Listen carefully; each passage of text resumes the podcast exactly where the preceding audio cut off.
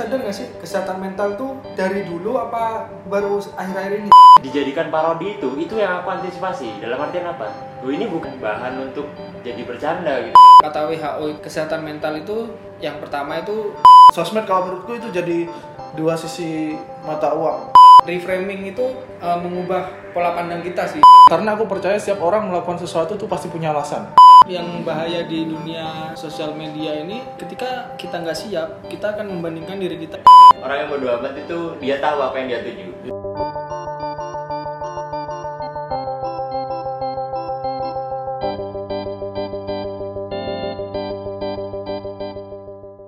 Halo semuanya, kembali lagi dengan kita di podcast Persami.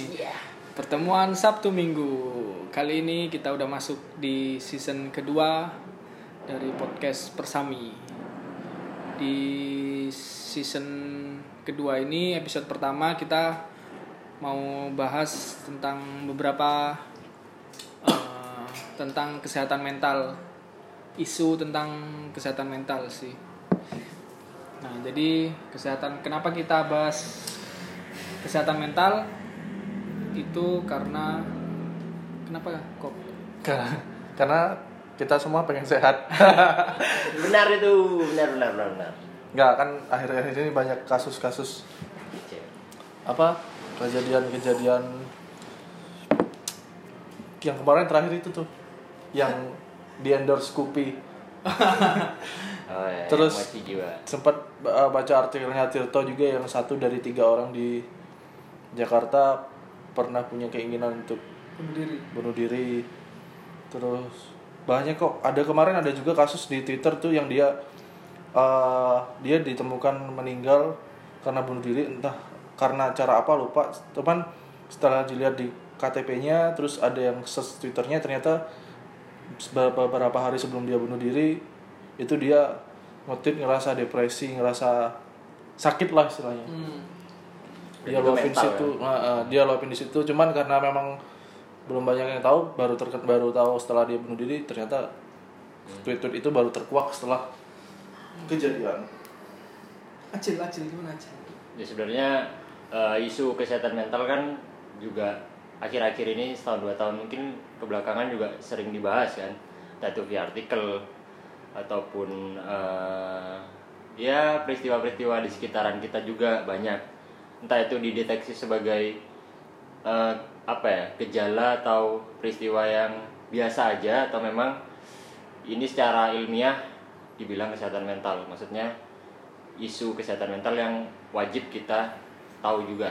Pada akhirnya ya ayolah dibahas. Tapi kamu sadar gak sih eh, apa kesehatan mental tuh dari dulu apa baru akhir-akhir ini?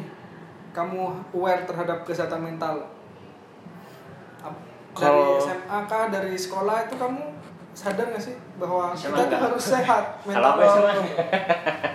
dulu sih sadar tapi nggak sepenuhnya tahu Apa yang kamu sadar apa? bahwa dulu aku sadar ya psikologi tiap orang tuh beda-beda cuman maksudnya cara ya psik secara psikologi Ya. psikisnya orang kan beda-beda ada yang kuat tekanan ada yang enggak Hmm. cuman kalau sekarang kan dengan adanya banyak media sosial terus banyak kasus-kasus yang bisa terungkap dari di publish di media sosial sudah masuk ke tahap selanjutnya. Jadi bahwa kesehatan mental itu ternyata ketika kita nggak sehat istilahnya dalam tanda kutip nggak sehat itu dampaknya jadi bahaya kayak kejadian bunuh diri keinginan bunuh diri dan lain. Itu dulu nggak kepikiran. Nah, karena dulu mainnya masih Tamiya. Nggak main media sosial. Benar-benar Berarti kalau misalnya sekarang kenapa orang-orang makin aware terhadap eh, isu kesehatan mental apa karena gara-gara kemajuannya Zaman. sosmed? bisa jadi ya Karena semua terekspos ya. semua terekspos dan sosmed kalau menurutku itu jadi dua sisi mata uang ada sisi positifnya kita bisa tahu bahwa hal seperti itu tuh bahaya tapi bisa jadi sisi negatifnya gara-gara sosmed orang tertekan Oke. Jadi gara-gara sosmed malah orang jadi sakit. semakin tertekan semakin sakit. Nah, tapi ya kalau aku sendiri itu lebih ke eh, mungkin related sama KL sih. Bisa direlated kan? Si- ya ya ya. aku lihatnya itu Gimana? lebih ke jenjang umur sih. Jadi kayak dulu kan tadi bilang bahwa aku SMA kayaknya nggak nggak nggak aware. Ya, cuek banget lah ngomongin aku ini psik- psikisku ini gimana sih? Itu udah nggak mikirin sama sekali. Mungkin literasinya atau knowledge yang terkait sama Ya, mental belum health itu nggak ada. Ya, makanya ya udah hidup hidup aja. Dan ya mungkin that's kita what sih, mungkin waktu itu kita tahu cuman kita nggak tahu teorinya. Nah, jadi ya ya udah biarin lah. Dan sekarang mungkin banyak literasi terus sekitaran kok kayak gini itu jadi bahasan akhirnya benar sekali. Kamu ya pas impactnya wah banget bahaya pas waktu dulu waktu kita bareng-bareng zaman SMA sih menurutmu eh, kamu pernah stres nggak sih? SMA ya? Kalau stres kata-kata stres kayaknya enggak deh. Mungkin terlalu senang aja. Tapi Kamu, kalau kuliah iya. Enggak lah aku nggak per- aku nggak merasa kalau aku nggak tahu ya dulu mungkin pernah cuman kalau aku merefleksikan diriku dulu di sekarang maksudnya sekarang aku ngeliat diriku yang dulu tuh kayaknya nggak pernah stres deh. Lebih stres sekarang sih iya serius. Dulu Oke, kayaknya sorry, sorry. nggak SMA tuh nggak ada main doang isinya. Iya, iya, seneng-seneng. benar. makanya itu aku bilang apa? Aku bilang relatednya ke umur. Jadi Oh, pada umur iya. segitu kayaknya ngomongin mental health kayaknya kita tanya deh. Mungkin punya adik atau mungkin karena anak sekolah sekarang eh kamu tahu mental health nggak? Mungkin kalau di daerah tempat aku tinggal ya di Jember lah. Itu kayaknya ditanya kayak gitu ngomongin apa sih? kayak gitu. Jadi ya udah lanjut aja. Aku sekolah aku main udah. Jadi nggak mikirin. Hanya aku ngomongin berarti umur. berarti emang ketika kan stres itu salah satu penyakit bukan satu penyakit sih satu gejala di mental kita. Nah berarti stres itu kamu rasakan ketika kamu mempunyai tanggung jawab lebih toh berarti? Ya ya. Iya ketika kita ya, ketika ya. kamu sekarang kerja terus tuntutan ada Jadi- tekanan. Ah, tekanan ada itu dulu kayaknya nggak ada sih. Stres terbesar kayaknya dulu cuman sakit hati doang sih. Asik.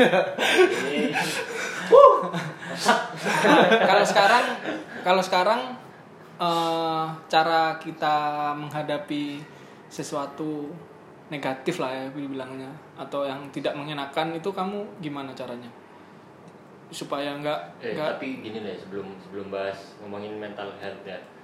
Mungkin bisa digarisbawahi ke di ini ya konten di podcastnya. Eh, sebenarnya bahasan ini sangat sangat berat juga kan.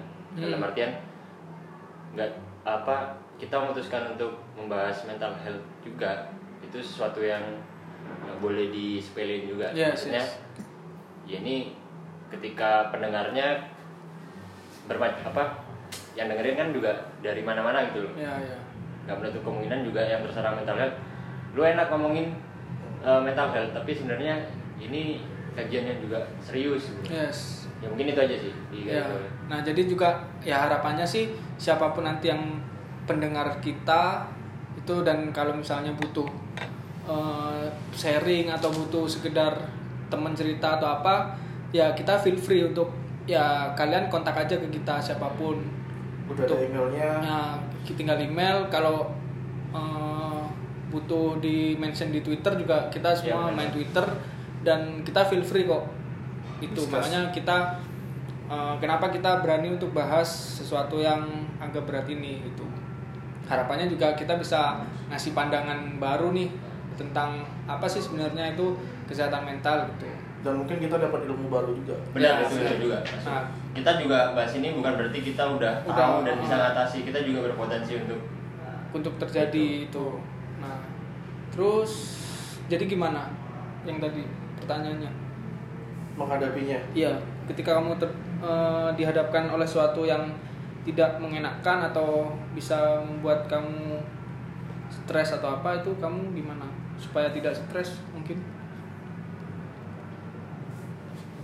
Kalau aku apa ya kalau aku ngerasa stres biasanya rasa sih kalau ada tekanan ada kelu apa beban lah istilahnya kan kalau aku persepsikan tuh beban biasanya kalau nggak cari solusi ngobrol ketemu orang atau ya diabaikan Diabaikan aja. Diaba- Dipendam berarti. nggak diabaikan nggak usah dipikir Oh, kamu pernah disakitin ya sih sama siapa sama orang? Ya pernah lah cuman Terus cara kamu untuk menghadapi rasa sakit itu gimana? Biasanya aku cari tahu dulu karena aku percaya setiap orang melakukan sesuatu tuh pasti punya alasan. Ya. Nggak mungkin kamu ngelakuin sesuatu orang lain ngelakuin sesuatu tapi nggak ada alasan. Nah terus? Biasanya kita, aku coba pola pik balik ke dia dia ngelakuin itu karena apa?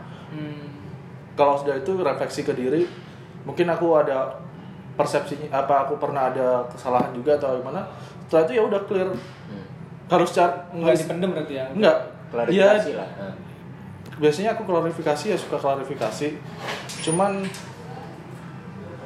eh, ya biasanya klar- klarifi- klarifikasi ke orang iya. Aku makin makin ke sini makin sering lebih lebih sering ngobrol sama orang tuh makin tahu bahwa kalau ada masalah tuh memang harus diklarifikasikan Hmm, harus diobrolkan. Atau kalau memang itu nggak bisa ya itu tadi kita berpikir dari cara dia berpikir diabaikan berarti? Setelah itu ya udah. Yang penting udah ketemu titik ada masalah nih di bawah di titik ini. Titik amannya di sebelah sana aku ke arah situ udah kelar. Kalau aku lebih ini ya lebih banyak aku serap terus aku mikir ini mungkin aku akhirnya jatuh juga apa ya jatuhnya juga impactnya ke aku aku juga bisa jadi stres juga. Katakanlah eh, entah itu tekanan dari aku atau mungkin gejala-gejala di sekitaran orang ini kok kayak gini ya? Aku mikir mungkin kalau Gavi klarifikasi tanya respon itu ada di dirinya Gavi seperti apa? Kalau nggak, Gavi, abaikan ah, aja. udah kayak gitu ya kalau aku mikir. Maksudnya dalam artian orang ini kok kayak gini ya respon aku? Atau mungkin orang itu punya masalah tapi sikapnya kok kayak gini ya? Aku mikir eh, menganalisa sesuai dengan konstruksi ber- berpikirku lah. Aku serap aku ini segala macam mungkin eh, ya, akhirnya mikir lah kok bisa kayak gini? Outputnya apa segala macam padahal itu kan urusannya dia juga kan apa urusan orang lain kan? Kenapa aku harus mikir? Tapi aku mesti mikir kok bisa kok, kok ada kayak gini? Hmm. gejala kayak gini kok ada? Terus ketika hal tersebut nyerang aku aku juga mikir juga nggak langsung aku responsif.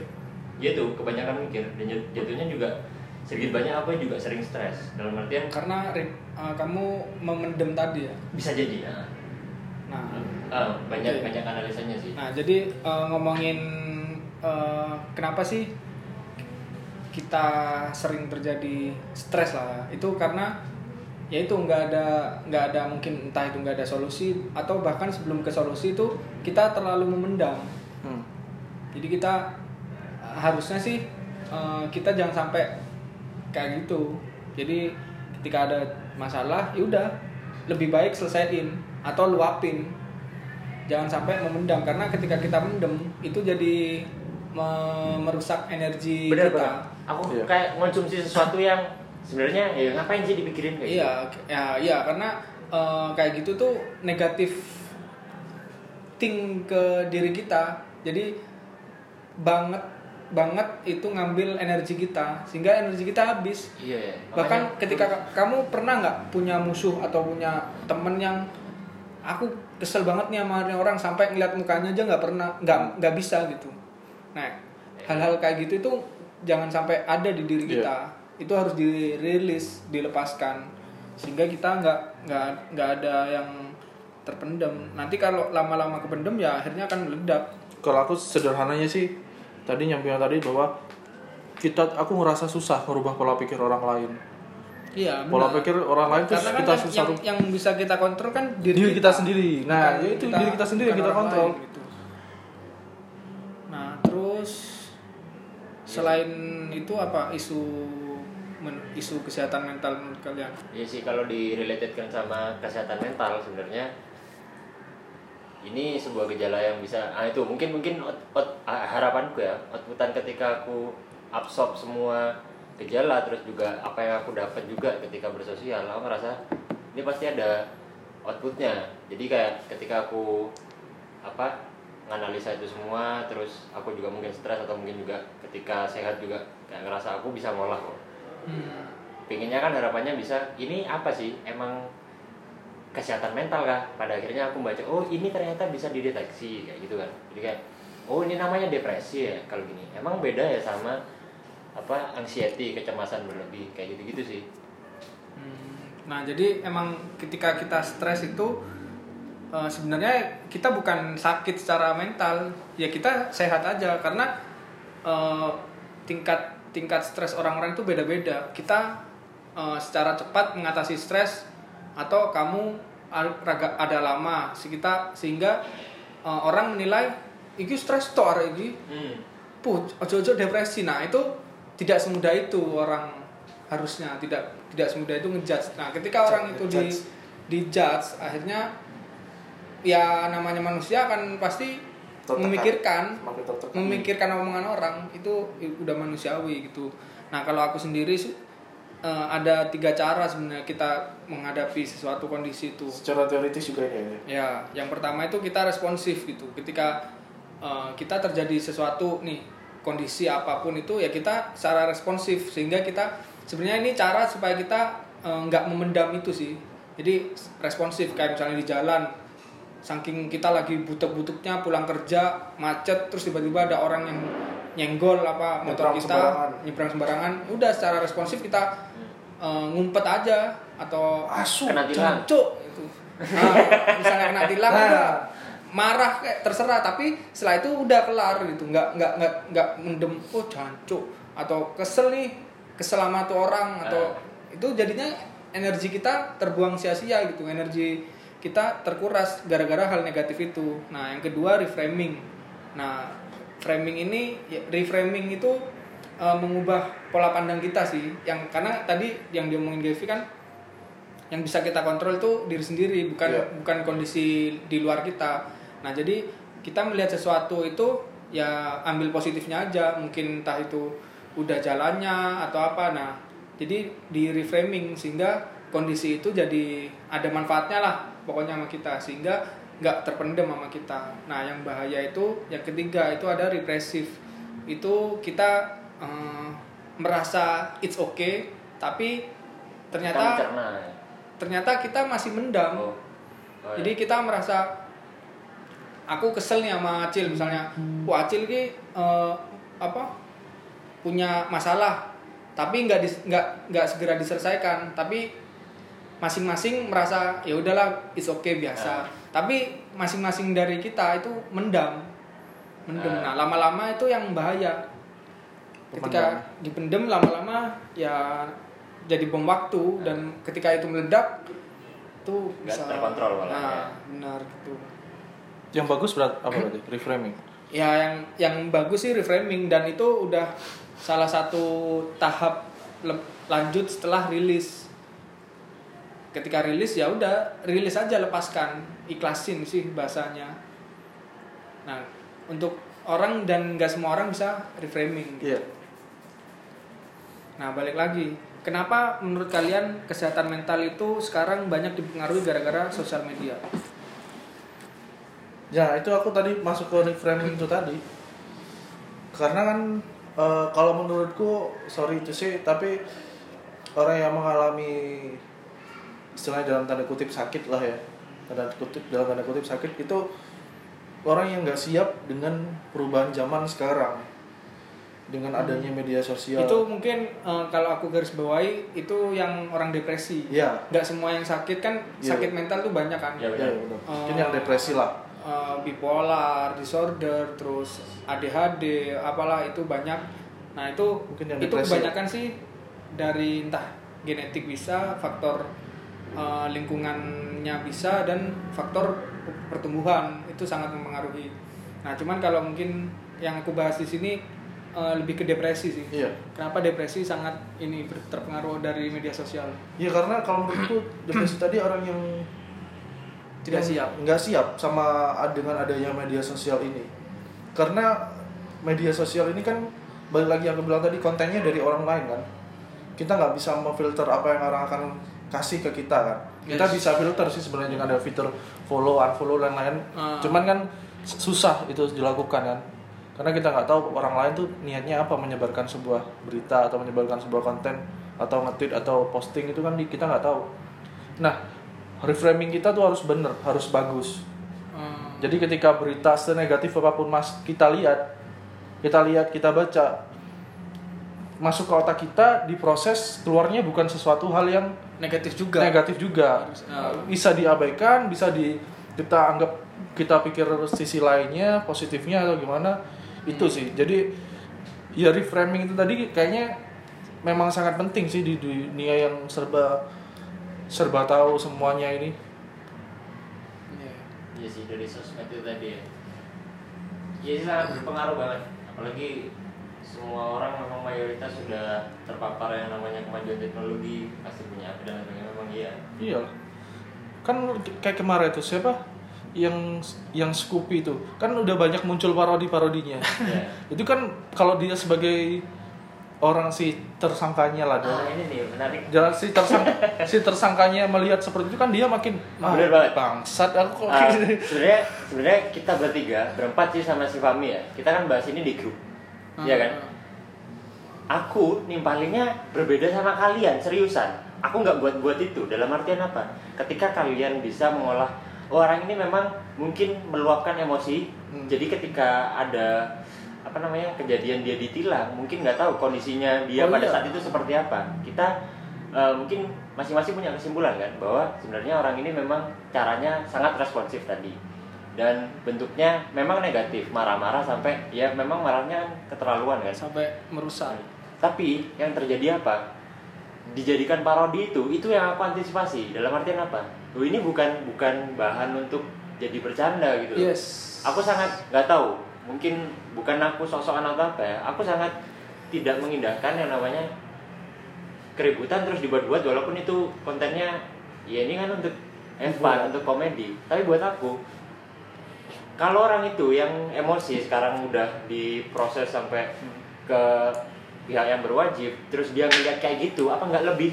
Iya. mentalnya apa nggak malah wah ini kan parah Kan- kan sampai segitu ya Iya. itu kalau dia tahu nggak tahu sekarang Harusnya- posisi dia tahu apa enggak kayak gitu Ya nggak tahu lah, cuman dari situ kita kan sebenarnya dari dulu kita secara budaya itu kan kita tahu tuh sanksi yang paling besar itu sanksi apa sih? Sanksi sosial, sosial. kan? Iya, benar, benar, benar. Ternyata sekarang ada sanksi lebih lebih besar lagi. konsekuensi sebenarnya Iya, sanksi yang lebih besar dari sanksi sosial adalah sanksi media sosial. Nah itu sanksi netizen dan si ya netizen. ya ya yang benar-benar memang Dan itu kita nggak bisa kontrol. Itu, Bisa itu. kontrol. nggak bisa kontrol cuman ya udah kalau kalau menurutku ya kalau ada orang yang nggak bisa sanggup maksudnya belum mampu reframing sebegitu bagusnya ya dia nggak pakai media sosial atau nggak pakai apa ya nggak masalah tuh iya karena apa pun yang kalau aku prinsipnya apa pun yang kita lakukan ya harus sesuai dengan kemampuan kita.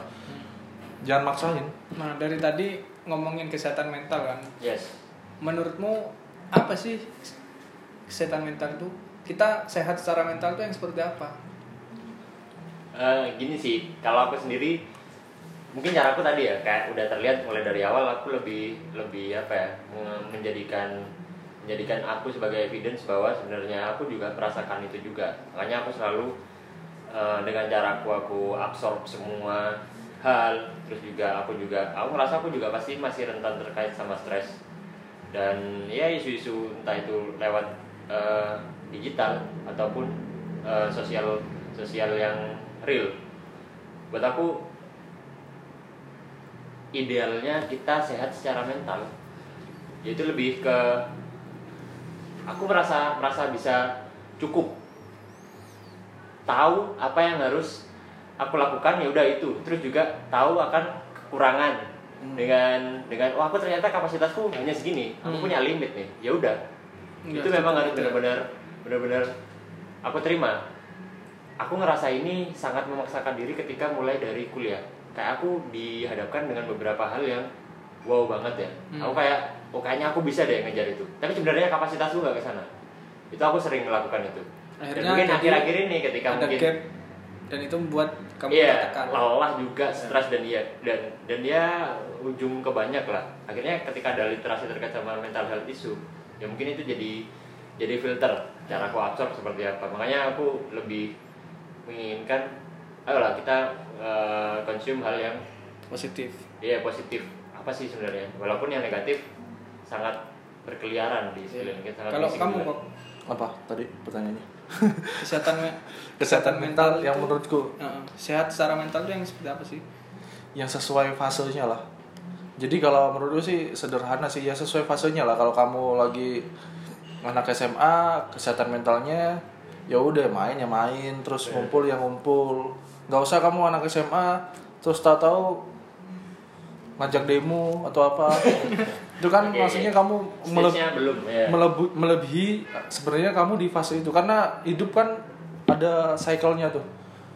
Kamu di usia segini ya udah porsimu tuh segini. Usia segini kamu porsinya ini. Iya. jangan tertinggal jangan kecepatan secukupnya aja semampunya kamu.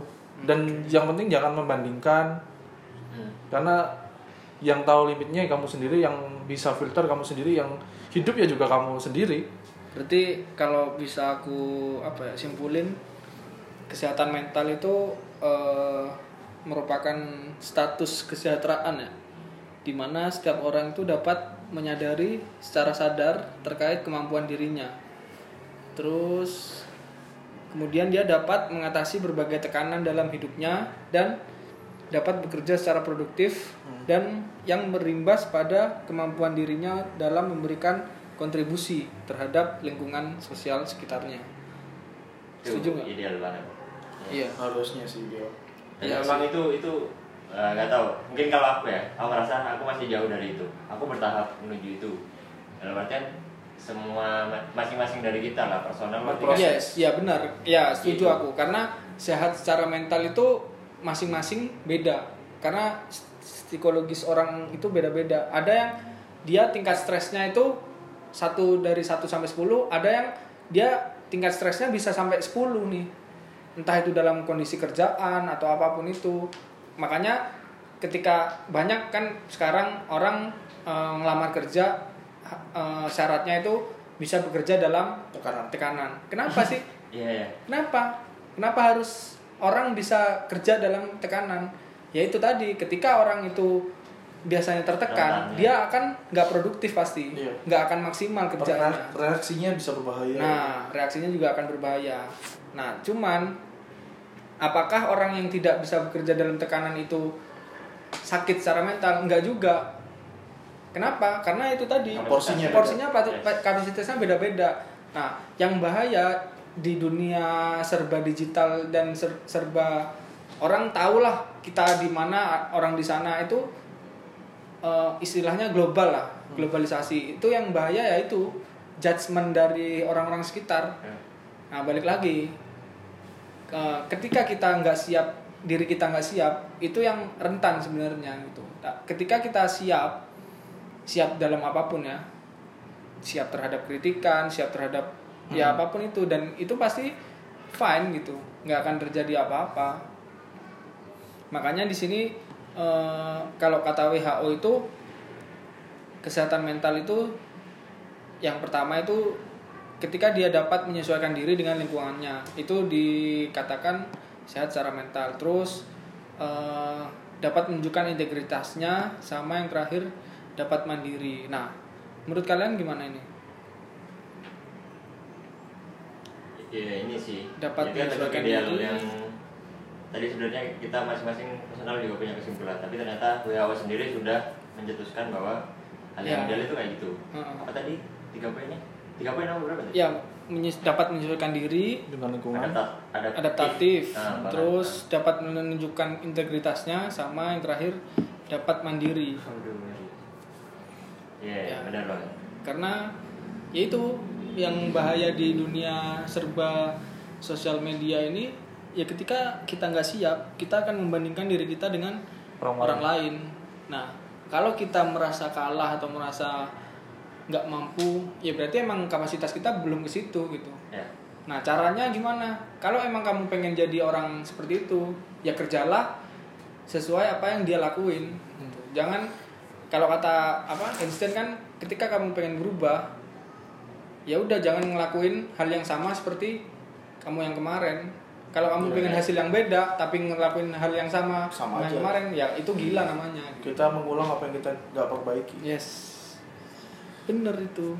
itu sih cuman ya aku kalau aku dari tambahan satu sih dari tiga itu yang kalau menurutku agak nggak tahu sih di aku work sangat bagus cuman nggak tahu di orang lain yaitu harus belajar bodo amat sih dikit-dikit soalnya kalau sekarang di dunia yang banyak digi- yang serba digital ini kita ngeliatin street seli- seliweran terus Benar. ngeliatin postingan orang kita harus konsum terus. konsum terus kita harus belajar sedikit bodo amat kadang aku merasa banyak orang ngelihat aku orang cuek bodo amat lain-lain aku tapi kadang aku merasa beruntung Oke. merasa maksudku aku punya skill lah dalam skill, untuk Skill lah. sepu- untuk itu ngerasa oke lah oh untung aku ternyata orangnya bodoh amat Iya, jadi bener, enggak setuju. Kenapa?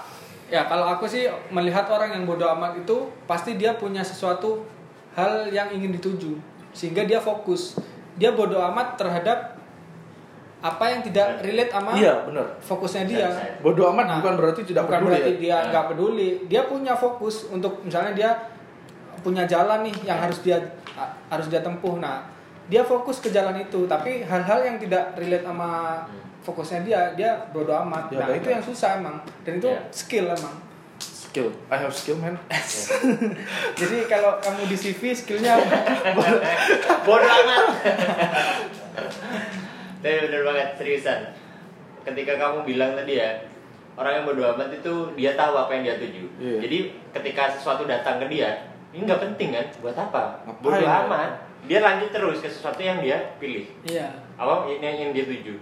Iya, itu betul. itu related banget. Kayak Yes. aku ya, aku juga kadang-kadang ngerasa semuanya tak konsum.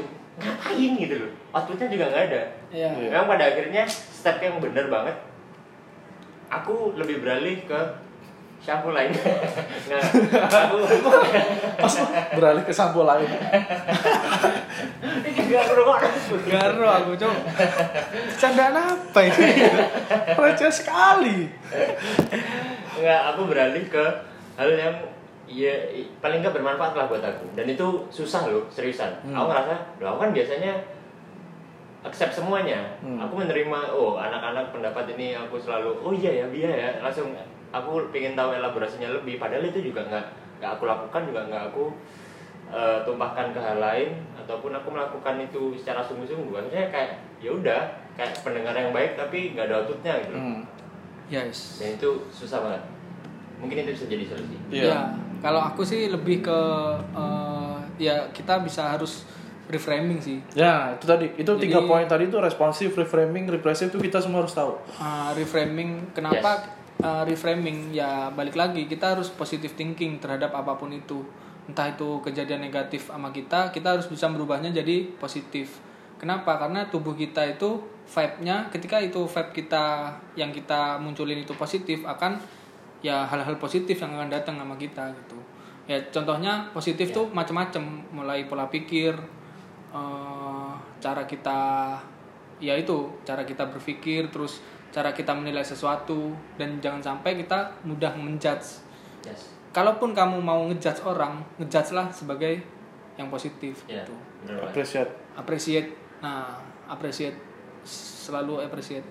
Nah kalau aku eh, sedikit ngasih contoh tentang reframing kayak banyak kan orang-orang eh, yang ya aku sempat juga ngasih cerita ke kalian tentang ada eh, yang ngepost misalnya ada Hmm. eh, tukang cilok atau tukang cilor lah pakai sepatu eh, Supreme saking suksesnya gitu Hmm. terus ada nah yang ngepost nih si pegawai bank nih ternama Ya, terus dia ngepost. Kayak mengarah satu orang enggak ya?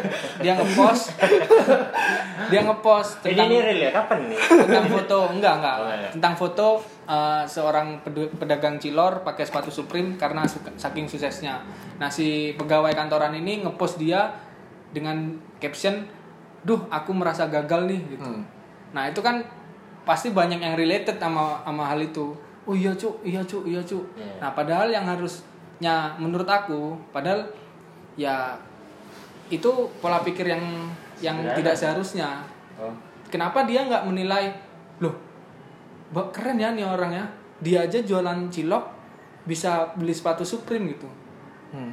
berarti kan aku harus bisa. Ya ya ya. Kalau orang lain bisa kenapa aku nggak bisa gitu? Sesimpel itu. Iya sih tergantung responsifnya Nah, dia iya. ngejudge langsung atau Reframingnya reframingnya Iya, nah kalau aku sih ketika di- ngelihat orang ataupun siapa pun itu dan wah dia aja bisa harusnya aku juga bisa harusnya bisa sesederhana itu lah. ya yang membedakan apa pasti yang membedakan ya kerja kerasnya Hmm. kita belum sekerja sekeras dia Kerja, bekerja ya, ya. itu sih itu hampir sama seperti kita berkompetisi tapi kita nggak saling menjatuhkan. Kompetisinya jadi untuk motivasi. Hmm. berlomba-lomba dalam kebaikan dalam kebaikan Iya. Jadi Subhanallah. udah azan asar ya.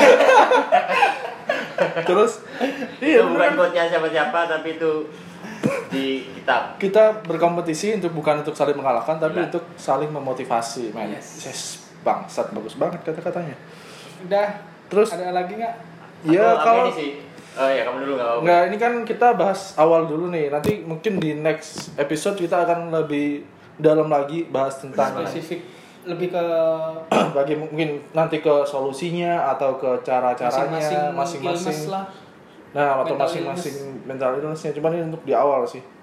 Dan aku yang aku highlight tadi ya itu tadi tiga cara yang tadi Hugo bilang yaitu responsif, reframing, repressive itu kita harus tahu karena itu salah satu cara untuk istilahnya apa ya? fasilitator untuk menghadapi metodenya metode yang untuk menghadapi hal-hal seperti itu. Dan kalau yang aku rasain juga kalau kamu ada masalah itu jangan takut untuk sharing ke orang lain. Itu setiap orang pasti harus punya tempat sampah lah. Hmm. tempat sampah untuk sharing. Kemarin juga bilang bahwa kadang kalau kita sharing sama orang itu kadang kita tuh cuman pengen didengerin doang. Iya. jangan dibandingin Jadi- lagi. Iya.